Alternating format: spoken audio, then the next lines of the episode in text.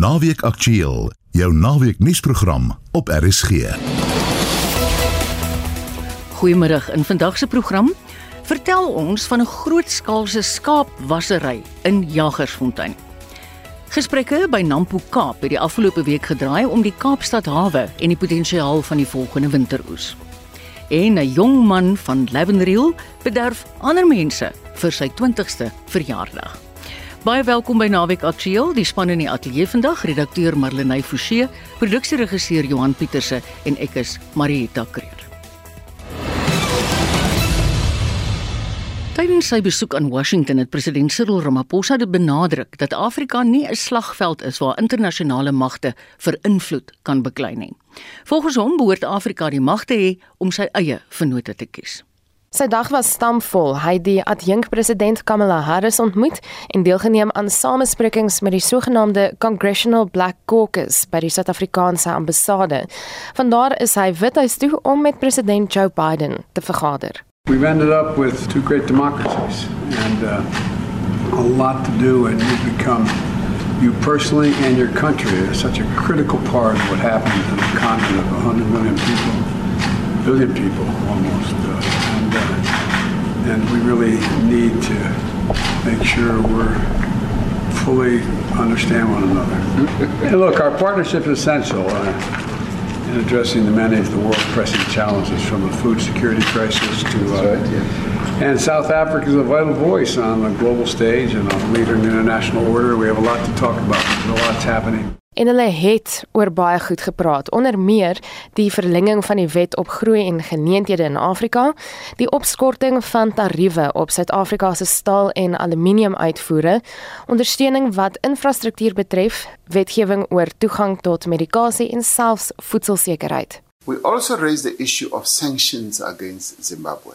Argued that the sanctions that are imposed on Zimbabwe have a collateral damage on us as South Africa, in that as they implement those sanctions against Zimbabwe, it weakens the Zimbabwean economy, resulting in Zimbabweans leaving in droves, leaving Zimbabwe in drones, going to neighboring countries, South Africa's Botswana and Namibia, and we then suffer collateral damage as a result of that because as they come to our countries, they obviously want services, which we have to provide, and it imposes a burden on our own countries. Ramaphosa het die FSA aangemoedig om 'n nuwe wetgewing teen Afrika lande goed te keur indien hulle bande met Rusland behou nie. We raise this as a concern that if that bill were to go through, it would marginalize Africa because it would seem like Africa would now be punished for having a partner like Russia And for the most part, most of African countries are non aligned, and we expressed the view that it would be unfair for the US to punish African countries by just merely either associating with Russia on an economic basis or a business basis. Terreuraanvalle in Mosambiek het ook aandag gekry. We have been getting support from the US, but we want that to be increased because we need to, to ensure that those insurgents are completely driven out of Mozambique. And you're absolutely right, it's urgent. Timelines were not really discussed, but all we could say is that this is urgent. President Ramaphosa gaan later vandag na Londen vertrek vir koningin Elizabeth se begrafnis maandag. Vandaar keer hy terug na New York om die VN Algemene Vergadering by te woon.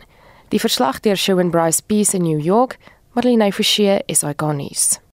Terug in Suid-Afrika, die Kopanong munisipaliteit en inwoners van Jagersfontein in die Vrystaat gaan 'n klasaksie bring teen Jagersfontein Developments. Hulle glo die maatskappy is aanspreeklik vir die breek van 'n slukdam se wal wat grootskaalse skade aan infrastruktuur aangerig het. Hier is 'n oorsig van die week se gebeure in Jagersfontein.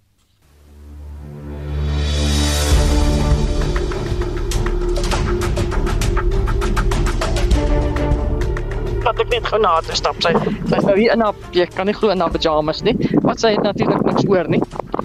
Hier's net die vrou van die radio, sy moet daar praat. Ja. Hier so is sy. Ek gaan met die vrou praat. Hallo mevrou. Sê vir my, waar was jy toe hierdie gebeur het? Was jy in jou huis? Gister gistermôre was ek in die garten toe dit gebeur. Die mense sê ver van nie vanaf jy kan die reën gehoor het gistermôre. Was eers water, toe kom die modder met die water. Dan het weg gekom, was dit so ver gaan staan op die berg. En so kyk hoe pluk hy modder en alles die bome, die was klomp bome, die hele bome uitgepluk. Die was 'n week wat nog lank onthou gaan word deur inwoners. Minstens 80 mense, insluitend 'n swanger vrou, het mediese hulp ontvang en een persoon is dood. Diere het ook nie die sluk vrygespring nie. Renet Meyer van die Bloemfontein DBV het gehelp om honderde diere te red. Daarso is 'n hele kraal met beeste met skape in. Daai kraal met die beeste met die skape is weg. Ons kry geweldig baie honde. Hier's baie baie katte in hierdie gemeenskap. Al die mense het hoendertjies en hoenders staan ook in hokke. So hulle is ook onder die modder. Van hulle het al van hierdie modder ingekry en is werklik siek. Die Mineraalraad sê intussen hy gaan die stand van sake by ander slukdamme evalueer, maar die slukdam het nie aan een van sy lede behoort nie. Die minister van Minerale Hulpbronne en Energie, Gwede Mantashe, sê 'n ondersoek gaan na die voorval geloods word. Intussen hou die myn voet by stuk dat daar geen aanduiding van 'n bedreiging was nie. Die regsverteenwoordiger is Marius de Villiers. In ons proses is daar toetse gedoen van die samestelling van die sluk en die aanduiding is uiteraard daar is sekere van die minerale wat maar in die grond in elk geval is wat bietjie hoog in waardes is maar die verslag wat ons gekry het is dat die skoonmaakproses jy weet met ons werkers maar oorpakke aan die op die resultate wat ons gehad het voor die tyd is die sluk nie skadelik nie. Die Vrystaatse regering sê hulle het die myn vroeër gewaarsku om bedrywighede op te skort. Was dit die geval? Junie Julie verlede jaar het ons 'n magtiging gekry van die departement van waterwese om die fasiliteit te gebruik. So wat wat vooraf gebeur het is uiteraard nou nie relevant nie want ons het onder 'n bestaande lisensie geopereer. Marius, kan jy bevestig dat daar gereelde inspeksies by die myn se damwal gedoen is en dat dit veilig verklaar is? Ja, ek kan dit bevestig. So we are on trauma because of when these things happen, we were at work that time. And the shift foreman of that night was being told at 10 o'clock. One of the employees reported to him and said that slams them is starting to crack. He ignored it and said, no, that thing will never happen. Ouers was vroeër die week gefrustreerd oor verlore skooltyd en gebrekkige hulp wat toegang tot onderrig betref. Die minister was hier so, die premier was hier so, hulle het gesê hulle gaan onderwysers hier bring, so 'n plan maak, maar hulle nog steeds niks gedoen nie. So ek is regtig disappointed want hulle sê hulle gee nie om vir my kinders se education. Die eksamen is om die dry. Hoe gaan ons se kinders leer? Hoe gaan ons se kinders leer om te werk aan hulle se toekoms? Volgens Gift of the Givers, se Corin Conradi, is daar heelwat angstigheid onder gemeenskapslede, veral weens die voortsleepende onsekerheid.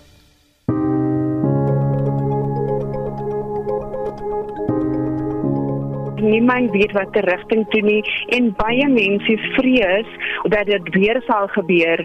Daar was nie nog regtig gekommunikeer met die mense op die grond om te sê wat presies die oorsaak was, wat gebeur het nie en daar is nog steeds mense wat reg langs daardie damwal bly en nie net die mense wat in hotelle bly het berading nodig nie, maar ook die mense wat nog steeds in die gemeenskap is en wat moes net hardloop vir hulle lewens.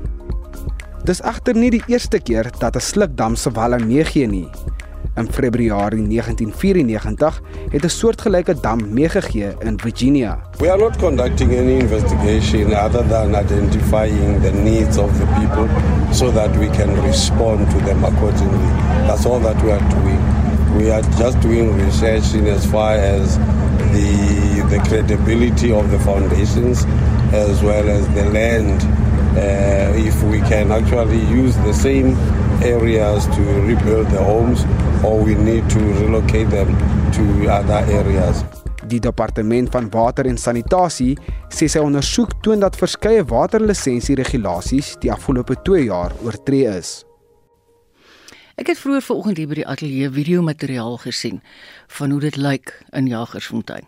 Maar dit was 'n baie positiewe video want hulle was besig om tientalle skape met mag en mening gewas te kry. Dis nou nadat die sluk letterlik aan hulle wol vasgekoek het. Die voorsitter van die Jagersfontein Boerebeweging, Albertus van Skalkwyk, sluit nou by ons aan om ons meer daaroor te vertel. Goeiemôre Albertus. Goeiemôre Marieta. Net voor ons by die skape kom. Hoe erg was die skade aan die veld en die infrastruktuur op die plase? Nee, wat daar's niks van daai infrastruktuur oor nie. Alles is platgevee. Uh die probleem van die veld is is daai sluk gelê ons nou maar bo op die veld. Mm.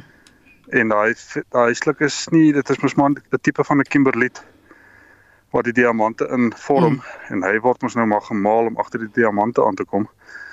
En daai hy word dan 'n tipe van 'n stof en as hy stof in daai water meng dan word dit nou 'n sluk en ja. daai sluk lê nou bo oor die veld ja.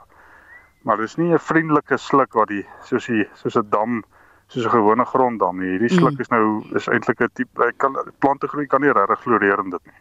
As dit enigstens kan kan groei daar nie. Wie Albertus as die veld moet lyk soos wat die oppervlak van die skaap se wol lyk. Kan ek dink wat jy nou vir my sê dit is dis nie goed vir die veld nie. Wanneer en hoe wie besluit? Ons gaan nou 'n grootskaalse poging aanwend om die skape skoon te kry. Nee, dit was maar gister gewees. My buurman het gesê, uh, ag die ou piese skape het nou soos Dennis Lou, hy het nou dis maar hy wat die grootste skade gelei het met sy skape. Hy het nou gesukkel want elke skaap moet jy jy weet dit is 'n delikate proses. Jy moet nou maar mooi werk met die skape dat hulle nou nie verder seer kry nie. Mm. Daai klonte wat dit nou vorm. In daai klont is daai klei en daai fyn stukkies uh, grys. Mm. En dit skuur nou op die uh, oeye se spene en dit veroorsaak 'n irritasie en 'n infeksie en dan kry sy nou seer dan kan sy nou nie vir die lammetjies wat nou oorgebly het uh, melk gee nie.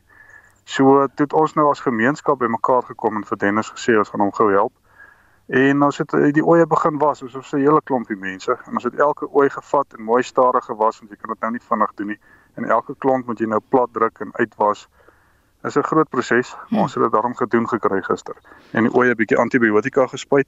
So hulle is vinnig besig om te herstel daai irritasies en daai seerplekkies ja. Dis nogal een ding wat 'n mens sien wanneer daar 'n geweldige ramp is of 'n terugslag, hoe die boerderygemeenskap letterlik bymekaar staan. Ja, dit is so. Kyk, ons is gewoond aan jy weet veldbrande. Mm. As die, as die boere se ek meen my plaas het laas jaar afgebrand en ek meen 'n ou en heeltemal 'n ander distrik het sy hand opgesteek en vir my gesê luister ek het veld vir jou bring jou skape. Hy het my ja. nie hier gevra nie. Ehm um, hy het gesê totdat jou veld weer herstel het en totdat jy weer op 'n plek is wat jy verder kan aangaan bly boer op my kampe. So dit is maar die gesindheid dit is die hmm. mense wat ons mee werk hierso. Dis hom fantasties nê ons is regtig 'n gehegte gemeenskap en ons kyk uit vir mekaar. En dit is maar hoe ons hierdie ding gaan aanpak. Dit is maar net nog 'n ramp en ons moet mekaar help want wie anders sal ons help? Ek het nou gesien met hoeveel sorg julle daai skape gewas het en toe dit onmiddellik by my opgekom, het julle genoeg water.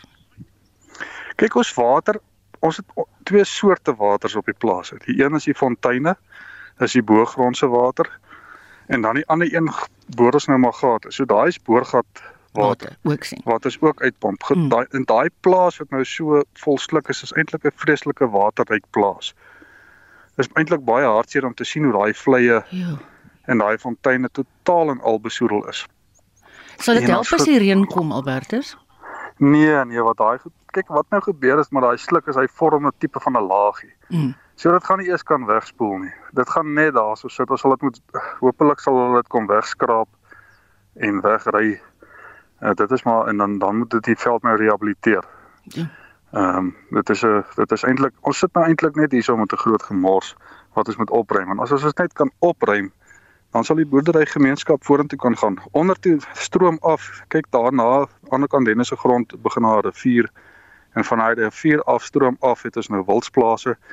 Die arme wildsplase onthou, hulle is almal ekotoeriste. So hulle verkoop hulle plaas of hulle inkomste is aan mm. toeriste wat daar aankom en hulle, ek meen jy wil nie in 'n besoedelde rivier vaskyk as jy daar daar jag nie.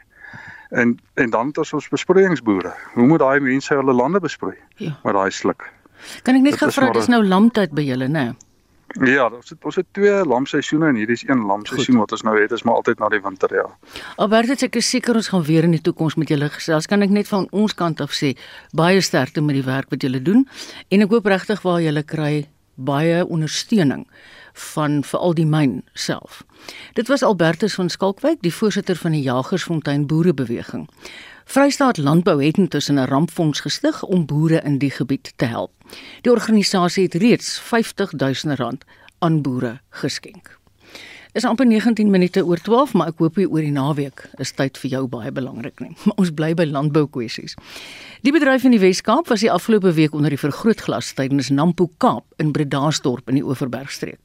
Daar's veral gepraat oor die potensiaal van volgende jaar se winteroes en die logistieke infrastruktuur van die Kaapstad hawe.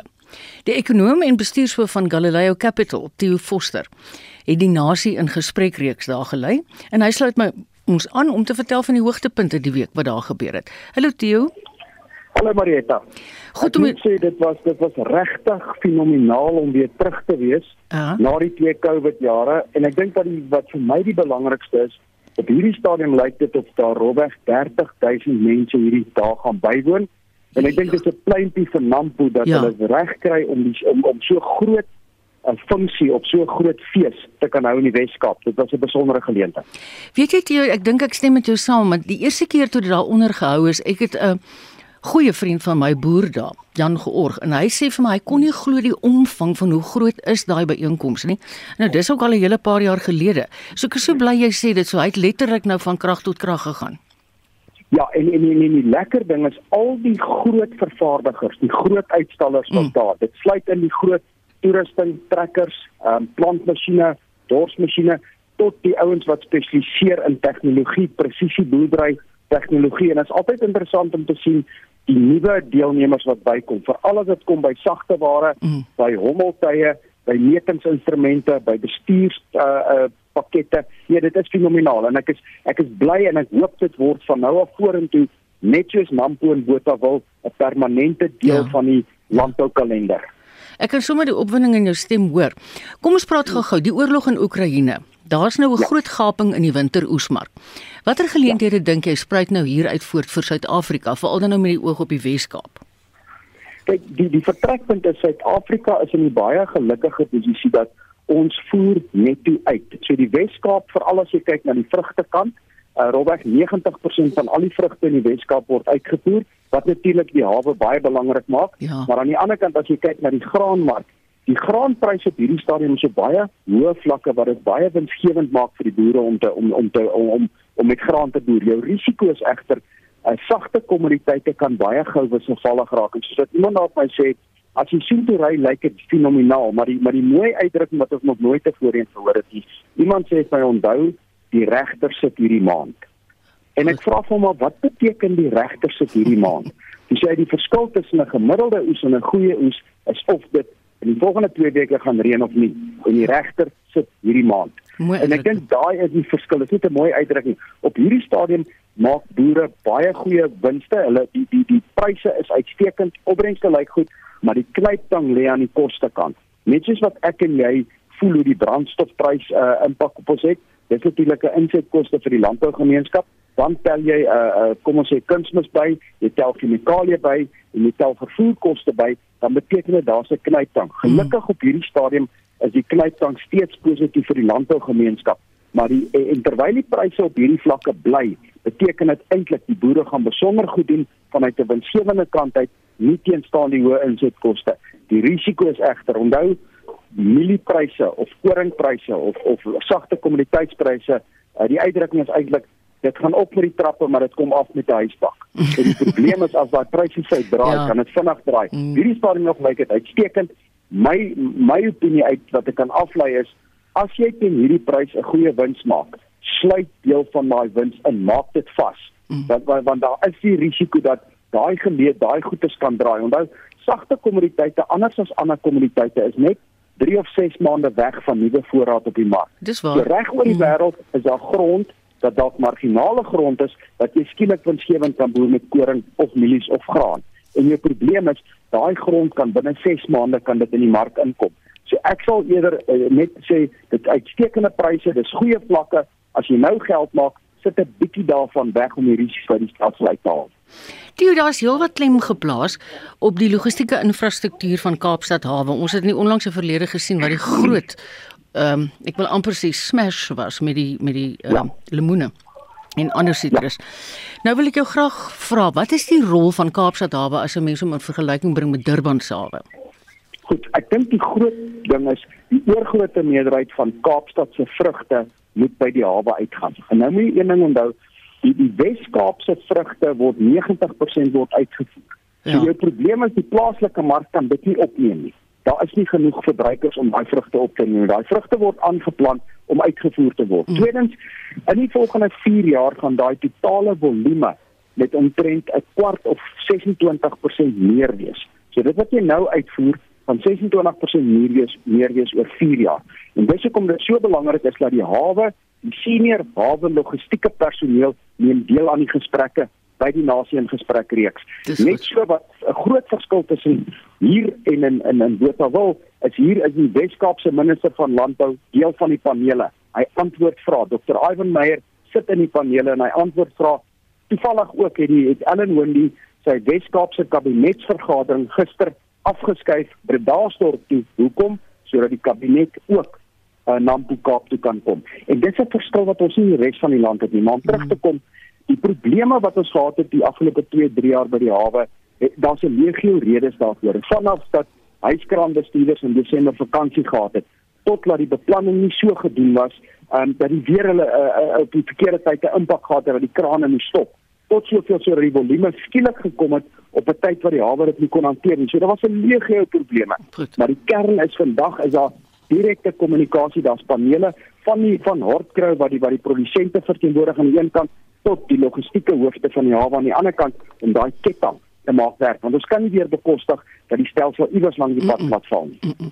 Toe baie dankie. Ek kan hoor dit was 'n baie suksesvolle week as ek so na jou luister.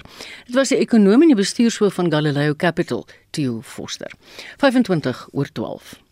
Die derde getuie in die Senzo Meyiwa moordverhoor, Tumelo Madlala, sê hy kan nie sê of die doelwagter lewendig of dood was toe hom in die motor geplaas het nadat hy geskiet is nie. Meyiwa is in 2014 tydens 'n beweerde rooftog doodgeskiet toe hy sy destydse meisie Kelly Kumalo by haar ma se huis besoek het. Madlala was teenwoordig ten tye van die beweerde roof. Vincent Mofokeng berig. Madala het getuig dat Mehiwa te swaar was om op te tel en dat hulle die bure moes vra om te help. Die rasverteenwoordiger vir beskuldigdes 1 tot 4, TT Tobane, het aangevoer dat Mehiwa reeds dood was toe hulle hom na die hospitaal gehaas het.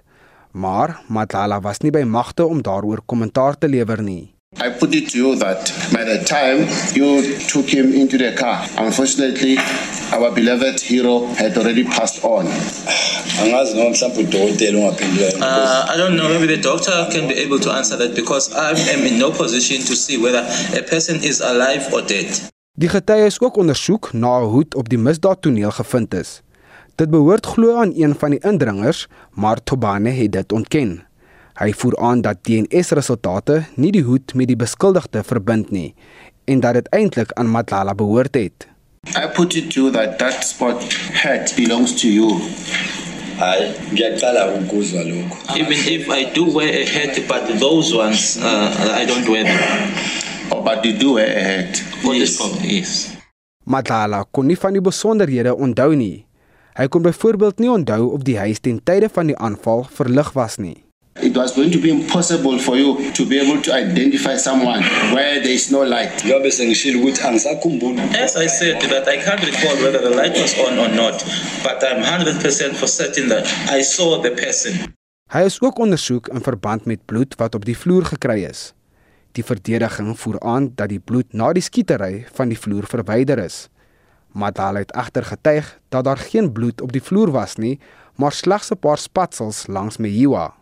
I put it to you that you are seeing is selective as well, just like your selective amnesia. How do you see the hockey stick? How do you see the crash, the head, but you don't see the blood? Uh, the way the situation was, I wasn't going. There's no way that I was going to concentrate on blood and check. There's blood there. There's blood there. Die saak is vroeg uitgestel omdat die regsverteenwoordiger vir die vyfde beskuldigde, advokaat Zandile Mshololo, nie lekker gevoel het nie. Die verhoor sal op 14 November hervat word. Ek as Vincent Mufokeng vir SAI nuus.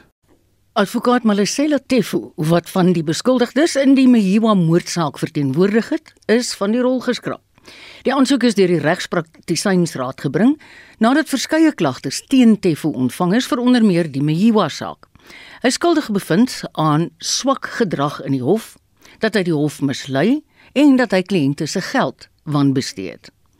Regter Tembi Bukako het tydens die uitspraak gesê Tefu het nie 'n sin vir integriteit en eerbaarheid nie.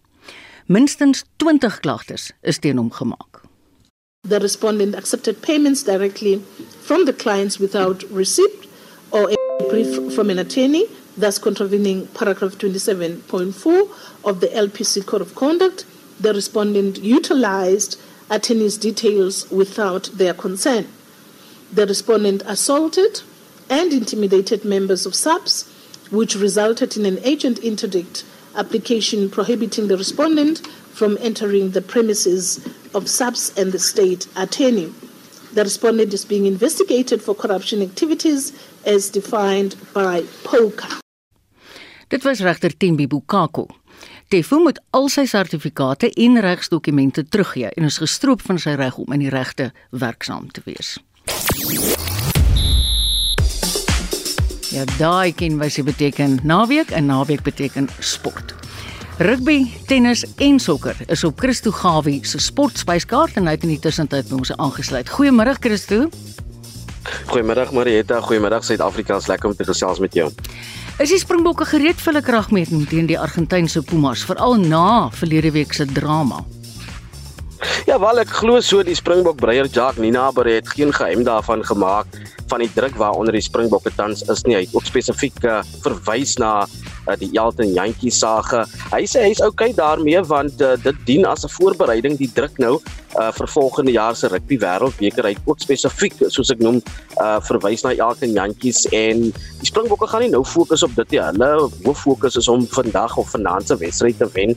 In Argentinië is daar 'n uh, verander van velde as gevolg van die aanvanklike veld wat nie 100% op standaard is nie, maar waar ook al Argentinië in Buenos Aires sal speel, uh, groei hulle uh, altyd 'n ekstra arm en 'n been. Dit gaan moeilik wees om die Pumas te klop, maar 'n oorwinning met 'n bonuspunt sal die Bokke gelyk op punte met die All Blacks vir heel bo aan die punteleer tans is. Heel agter vandag is Willie Leroux Die vleuels is Makazoli Mapimpi en die tienerseun Kaiden Moody is ook weer vandag in aksie. Die afskop is net na 9 vanaand Suid-Afrikaanse tyd. Nou, Christo, die Verenigde Rugby Kampioenskapsreeks begin ook vandag. Wie skop af? Die Bulls uh, natuurlik uh, Breyer Jake White het die Bulls se vooruitsigte opgesom as 'n nuwe seisoen met nuwe idees en groter stabiliteit. Die Bulls, hulle skop hulle 4K veldtog vanmiddag af teen die Lions op Ellis Park in Johannesburg. Drie spelers maak hulle buiging vir die Bulls vanmiddag, naamlik Wandisile Similane, Spoon Kosi en ook uh Mihlali Mosi. Chris Smith draf uit op loskakel met Morney Steyn wat op die bank sit. Vir die Lions is Andre Kutsie op heel agter met Jordan Hendrikse wat in die nommer 10 try te sien sal wees. Afskop net na 4 vanmiddag met meneer AM Jacobs wat hierdie kragmeting sal hanteer. Kom ons praat tennis sake. Hoe vorder die Suid-Afrikaners by die Davis beker toernooi? Suid-Afrika se twee jong tennisspelers, Philip Henning en Leighton Cronje, het gister in Sofia bietjie verlang na uh, harde tennisbane waarop hulle uh, universiteitstennis in Amerika speel. Die gasheer het met 2-0 voorgeloop uh, in die spanne se Davis beker kragmeting na die tweede enkelspel wedstryde van die wêreld groep 2 stryd wat op klei gespeel is. Henning wat Suid-Afrika se voorste speler is, sê die eerste 11 potte van die wedstryd of sy wedstryd teen Alexander Lazarov verloor wat die tweede wedstryd van die dag in 51 minute met 6-0 en 6-1 gewen het. Leighton Cronje het kragtig gemeet met uh, Dimitar uh, Kuzmanov van uh, hy is die 162ste op die wêreldranglys en uh, Kuzmanov het met 6-3 en 6-1 gewen. Die kragmeting se dubbelspel wedstryd en oorkruis enkelspel wedstryde word vandag word dit beslis. Intussen het Carlos Alcaraz, hy het ook sy eerste kragmeting as die wêreld se voorste speler gister verloor. Die tiener het sy rieme styf geloop in Spanje se tweede kragmeting teen Kanada waar hy teen Felix Auger Aliassime verloor het mm. met 6-7, 6-4 en 6-2. Kanada het die kragmeting met 2-1 teen die Spanjaarde gewen. So, Kom ons maak klaar en hom jy gou vir ons die naweek se sokker asseblief Christo. Heelwat DStv Premier Liga aksie vanmiddag reeds om 3 uur kom Golden Arrows teen Swallows op die Prinses Makoko Stadion in Durban te staan. Ook om 3 na middag sal ons vir Chippa United en Gallants sien sake teen mekaar uitspook terwyl Sekhukhune United teen Stellenbosch om 06:30 vanaand te staan kom. Die dag word dan afgesluit deur Kaizer Chiefs teen SuperSport United om 8:00 vanaand op die FNB Stadion in Johannesburg. Baie dankie Christo, dis Christo Gawie wat vir ons die jongste sportnuus gebring het. Wissel Pretoria het vandag 'n elektriese trokkie op die spyskaart.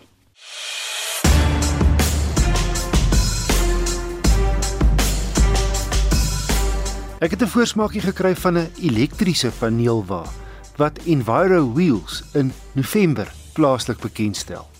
Die vervaardiger is DFSK en die modelnaam EC35. Hy kom van China en is reeds in lande soos Engeland en België te koop. Presies so lank soos 'n kortwielbasis Volkswagen Caddy Cargo, 4.5 meter, maar heelwat meer laaispasie in die DFSK danksy 'n stomp neus en 'n hoogte van 2 meter.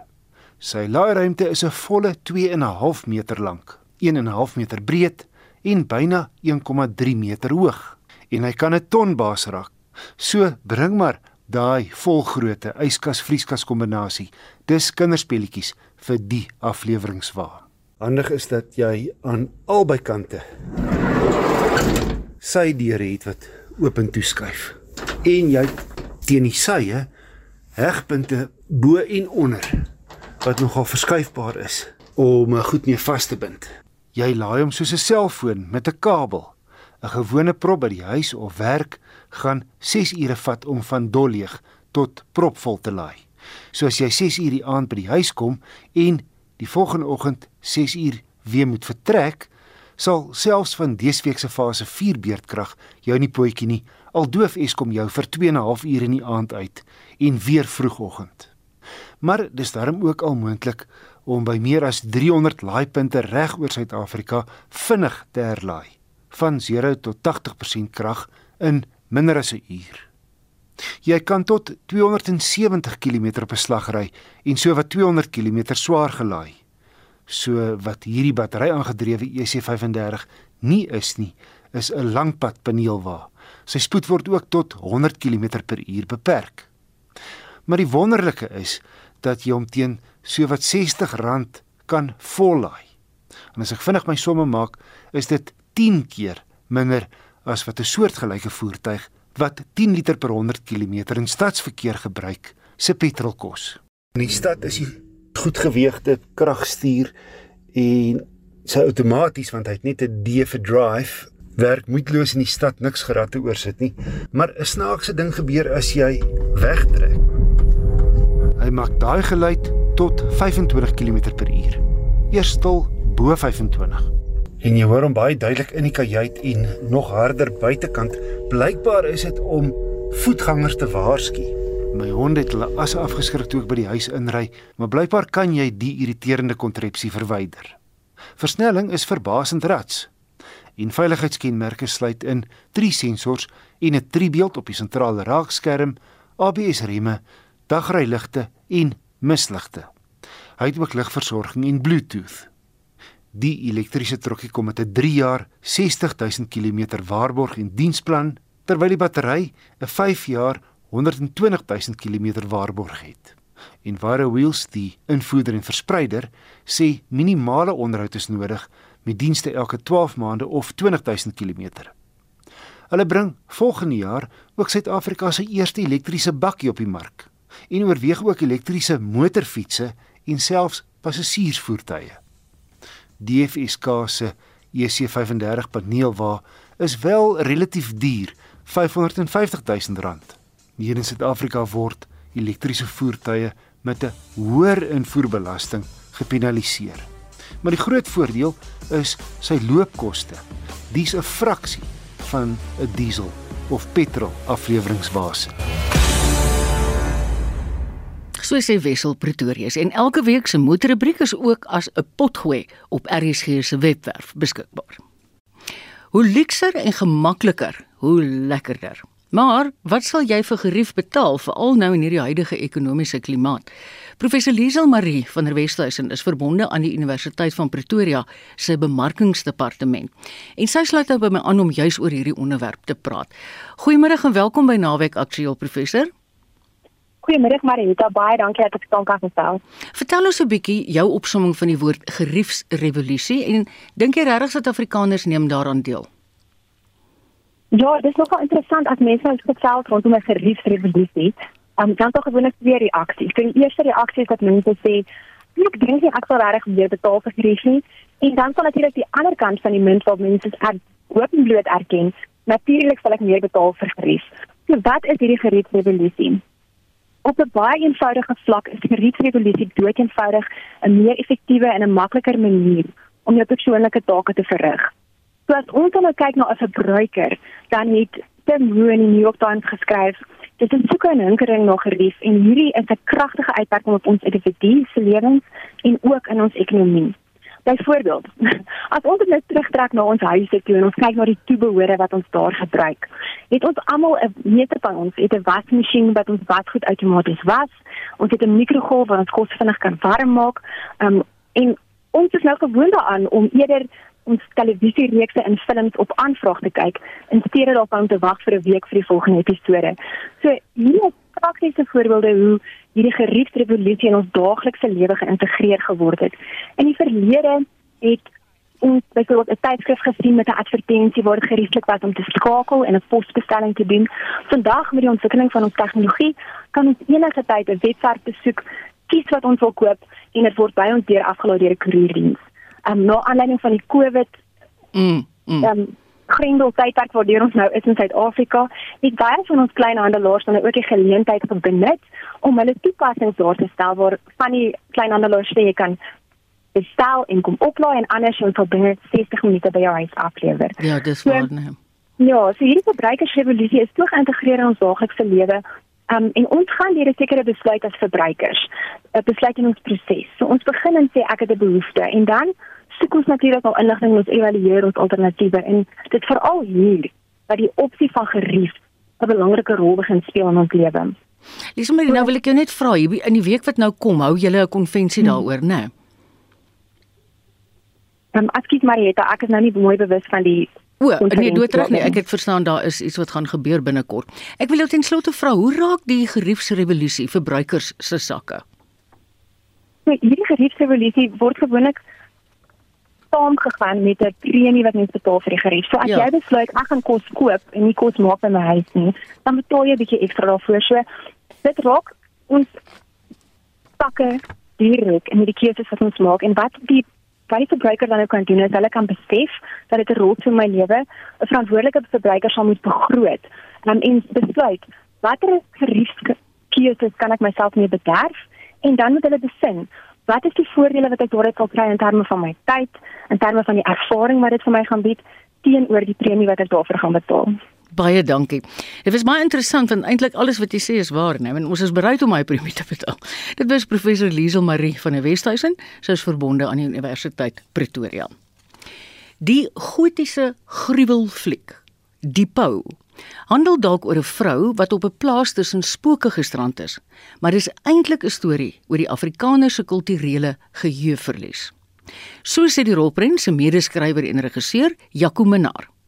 Gebeure in die wêreld rondom ons, soos 'n terugkeer na regse politiek, was ook 'n inspirasie. Hy het so aan Anne Marie Jansen van Vuren verduidelik.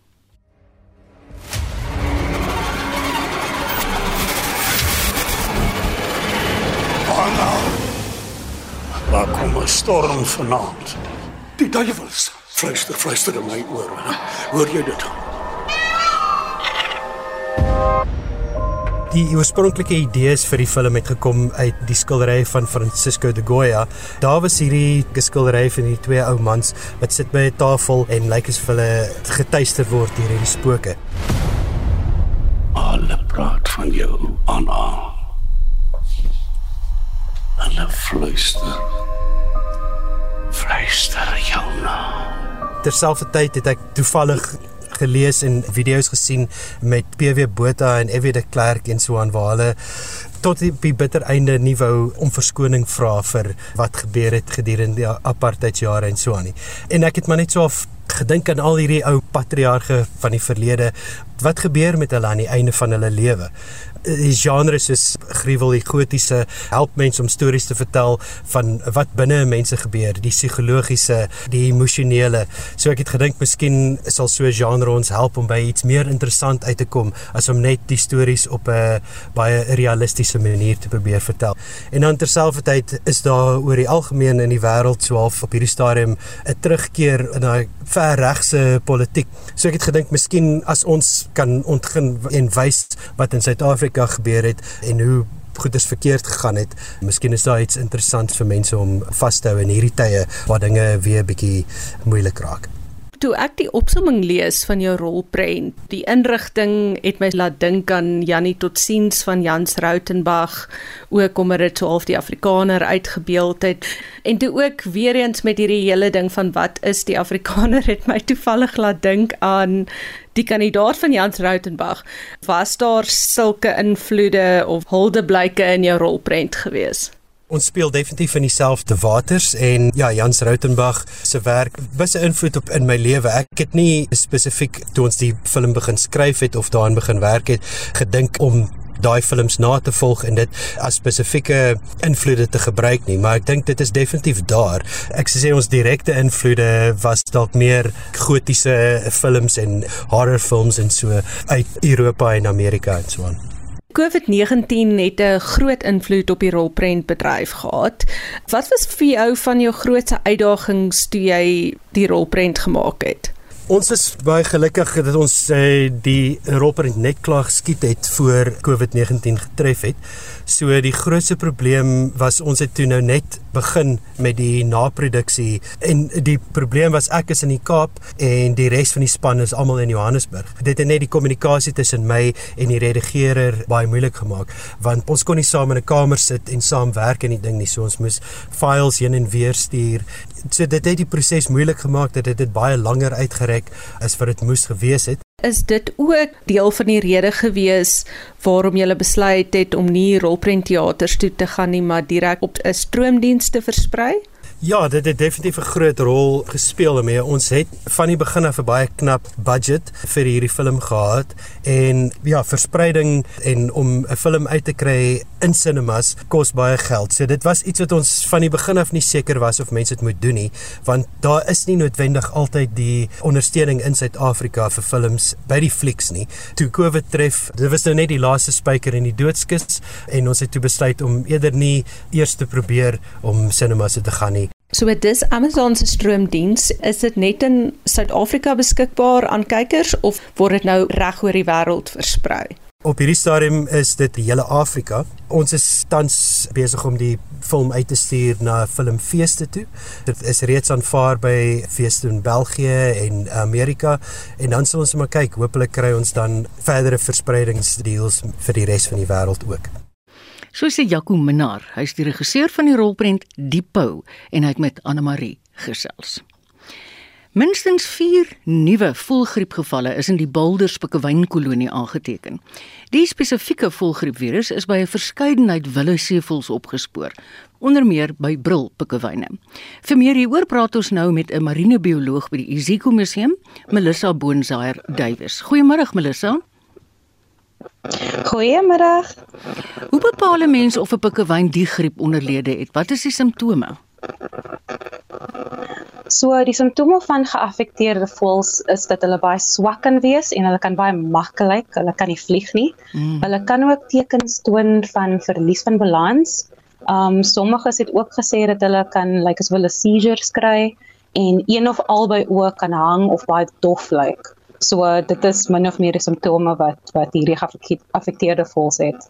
Melissa, hoe werk kwarantyne vir pikkewyne? So uh, die tafel die Tafelberg Nasionale Park en sy bewaringsvennote probeer voorsorgmaatreëls um um voorsorgmaatreëls tref om hierdie verspreiding van die virus te verminder. Dit kan insluit om die beperking van toegang van die broeikolonie, insluitend die navorsers um om te om te sê dat hulle streng ontsmetting van hulle skoene mm. moet toepas. So dis nou wanneer personeel die kolonie ook verlaat En dan natuurlik die dooie en siek voël sal dan verwyder word en na sandkap oorgeplaas word. Sandkap is mos die Engelse um die naam vir Southern African Foundation for the conservation of coastal birds en hulle hulle speel ook 'n baie belangrike rol in sulke tipe patogene um en om dit natuurlik te probeer te, te probeer stop. Ek so dan word hierdie voels oorgeplaas. Ja. Mm -hmm. ja. Nee, gaan gerus aan. hierdie voels, okay, hierdie voels word dan oorgeplaas vir assessering en dan ook om moontlike toetsing te doen. En ja, maar het, op op hierdie stadium die sluiting van die walruskolonie wat wat u net nou genoem het vir besoekers is nog nie geregverdig nie, maar besoekers word wel gesê dat hulle op die staproetes moet ja. bly en nie aan die aan die vols raak nie. Dis nou net wat ek wou gesê want ek het dit gister in 'n nuusbulletin gehad dat ons nog wel na hulle kan gaan kyk, maar ons moenie aan hulle vat nie. So dis die waarheid. Korrek. baie ja, baie nee, dankie Melissa. Dit is heeltemal korrek. En sterkte met julle werk. Ek kan hoor julle hande is vol. Marinebioloog Melissa Boonsaier Duwys, sy's van die Iziko Museum. Het jy geweet dat geboue in stede en dorpe kan bydra tot 'n derde van 'n gebied se lugbesoedeling? Dis hoekom daar jaarliks klem geplaas word op die belang van groen geboue. En dit in die stryd teen klimaatsverandering. Mishka Tessendorf, 'n lid van die Raad vir Groen Geboue se besigheidsontwikkelingsplan, het aan Marlenae verduidelik wat 'n groen gebou is is 'n gebou wat energie doeltreffend en dan omgewingsverantwoordelik is. Dit gewoonlik inkorporeer die ontwerp, die konstruksie en dan veral baie groot belangrik is die operasionele deel van 'n gebou. Ehm um, dan is dit ook 'n groot fokus om die negatiewe impak van die ontwikkeling op die omgewing te verminder of dan nou heeltemal uit te skakel, want ons glo definitief in 'n volhoubare denkwyse vir geboue. 'n derde van ons kweekhuisgasse in stede en so kom van geboue af. Dis nie iets waaroor mense dikwels dink nie. Dis definitief so en dit is 'n groot rede hoekom hierdie week uh, dan nou wêreldgroen gebou week is en die fokus is building for everyone want hulle voel daar's regtig soveel mense wat beïnvloed word deur hierdie impak van van die klimaatsveranderinge as gevolg van die impak van wat geboue het op ons omgewing. In die afgelope jaar is minstens 143 nuwe geboue in die land as groen gesertifiseer, maar wat behels dit? 'n Groot deel is maar die energieverbruik en dan soos die waterverbruik, maar dit kan ook kleiner goedjies wees soos die verf en dan ook of alles herverbruik word op 'n nuwe as dit 'n ou gebou was wat oorgedoen is of hulle die um, ou goederes dan en geïnkorporeer het. Ehm um, daar's 'n nuwe gebou in Melrose Arch, Baldwin se nuwe uh, hoofkantoor en hulle het 100% alles gebruik ehm um, van die vorige gebou af om hulle gebou op te dateer. Ons het juis hierdie week afgeskop by die Radisson Red Hotel in Rosebank waar hulle 'n 5-ster sertifikaat ontvang het vir hulle hotel. Sy sê pogings om groen geboue in te rig neem toe, iets wat deur beurtkrag bespoedig word in Mei maand elke jaar dan het die MSCI hulle resultate hulle kyk die verskil tussen groen en gewone geboue en dan kyk hulle na okupasie en soos jy sê die kragverbruik. Hulle kyk na al daai goedjies en jy kan definitief sien dat mense 'n meer neiging dan om na 'n groen gebou te skuif veral ook na Covid wil ons na die kwaliteit van lug in 'n gebou kyk. Gesondheid is 'n groot deel. Ons het dan natuurlik uit hierdie resultate ook gesien het ons 'n het ons 'n nuwe loodsprojek wat ons afgeskop het, 'n industriële EBP loodsprojek. Um EBP staan vir Energy Building Performance, want ons sien definitief 'n baie groot verhoging in verspreiding sentrums. En ek dink as jy hierso in Johannesburg ry veral langs die R21, kan jy sien daar is 'n hele paar nuus wat opkom. 'n Stabiele kragnetwerk bly egter belangrik, want dan kan oortollige skoon energie wat in groot groen geboue opgewek word, weer in die netwerk gevoer word. Intussen nou die raad die bou van 'n sogenaamde net zero gebou in Johannesburg met groot belangstelling dop. Dit gaan goed met daai projek, maar hulle is definitief nog besig. Ja, maar daai projek sal heeltemal net zero wees. So hulle dan die panele wat hulle sal help om my hele projek heeltemal groen te hê en heeltemal onafhanklik van Eskom af. Dit was Mishka Tessendorf, 'n lid van die Raad vir Groen Geboue se besigheidsontwikkelingsspan. Marlene Forsie is ikonies. En nou 'n wonderlike menslike storie om vandag mee te groet. 'n 19-jarige man van Lavender Hill het besluit om Sondag vreugde te versprei op sy 20ste verjaardag. In plaas van 'n partytjie gaan Giovanni Pampier kos maak vir minstens 50 bejaardes van twee ouetehuise in die gebied. Marlenae sê hy het 'n sagte plekkie vir Lavender Hill se bejaardes en hulle ken hom teen die tyd al baie goed.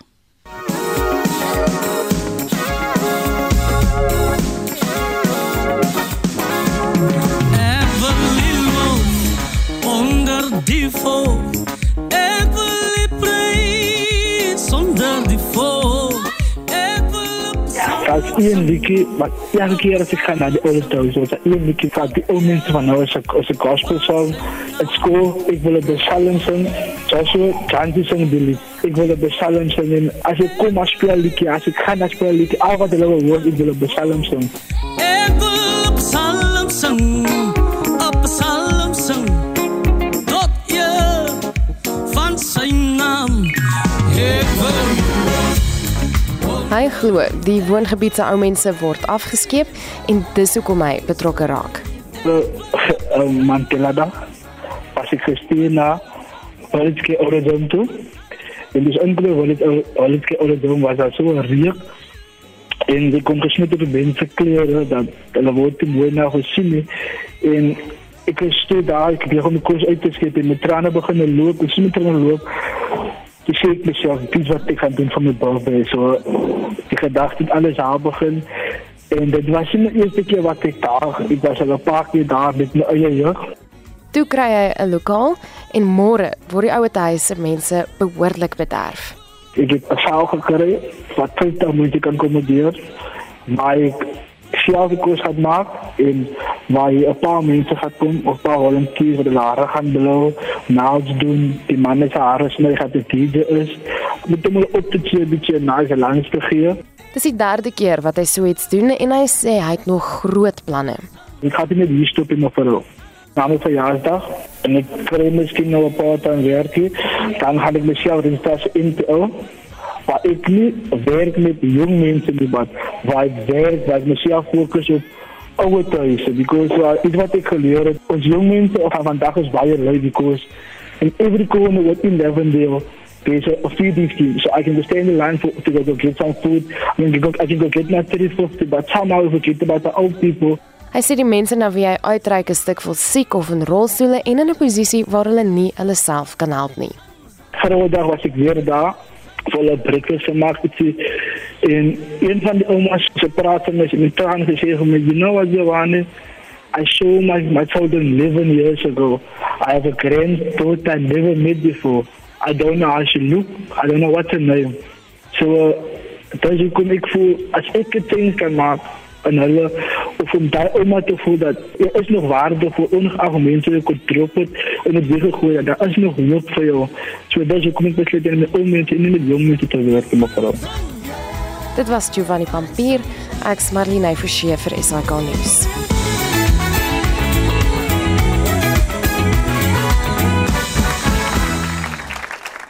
Giovanni, ek hoop jy geniet jou verjaardag. Ek weet daai mense gaan baie dankbaar wees vir hierdie liefde wat jy betuig.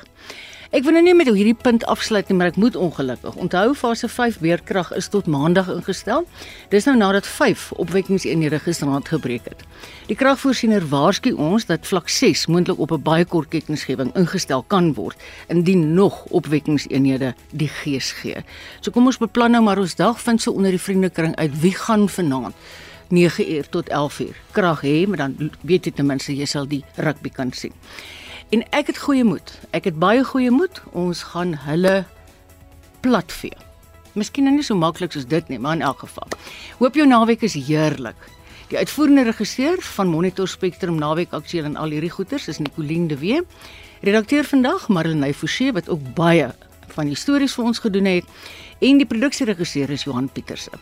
In die RSG ateljee sit Renske gereed met ons 1 uur nuusbulletin en ek wens jou 'n heerlike naweek toe. Ek is Marietta en ek groet. Totsiens.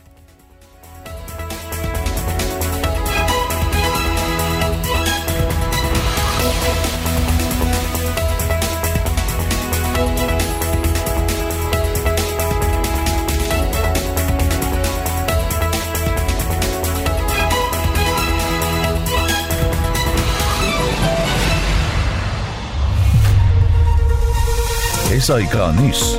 Onafhanklik, onpartydig.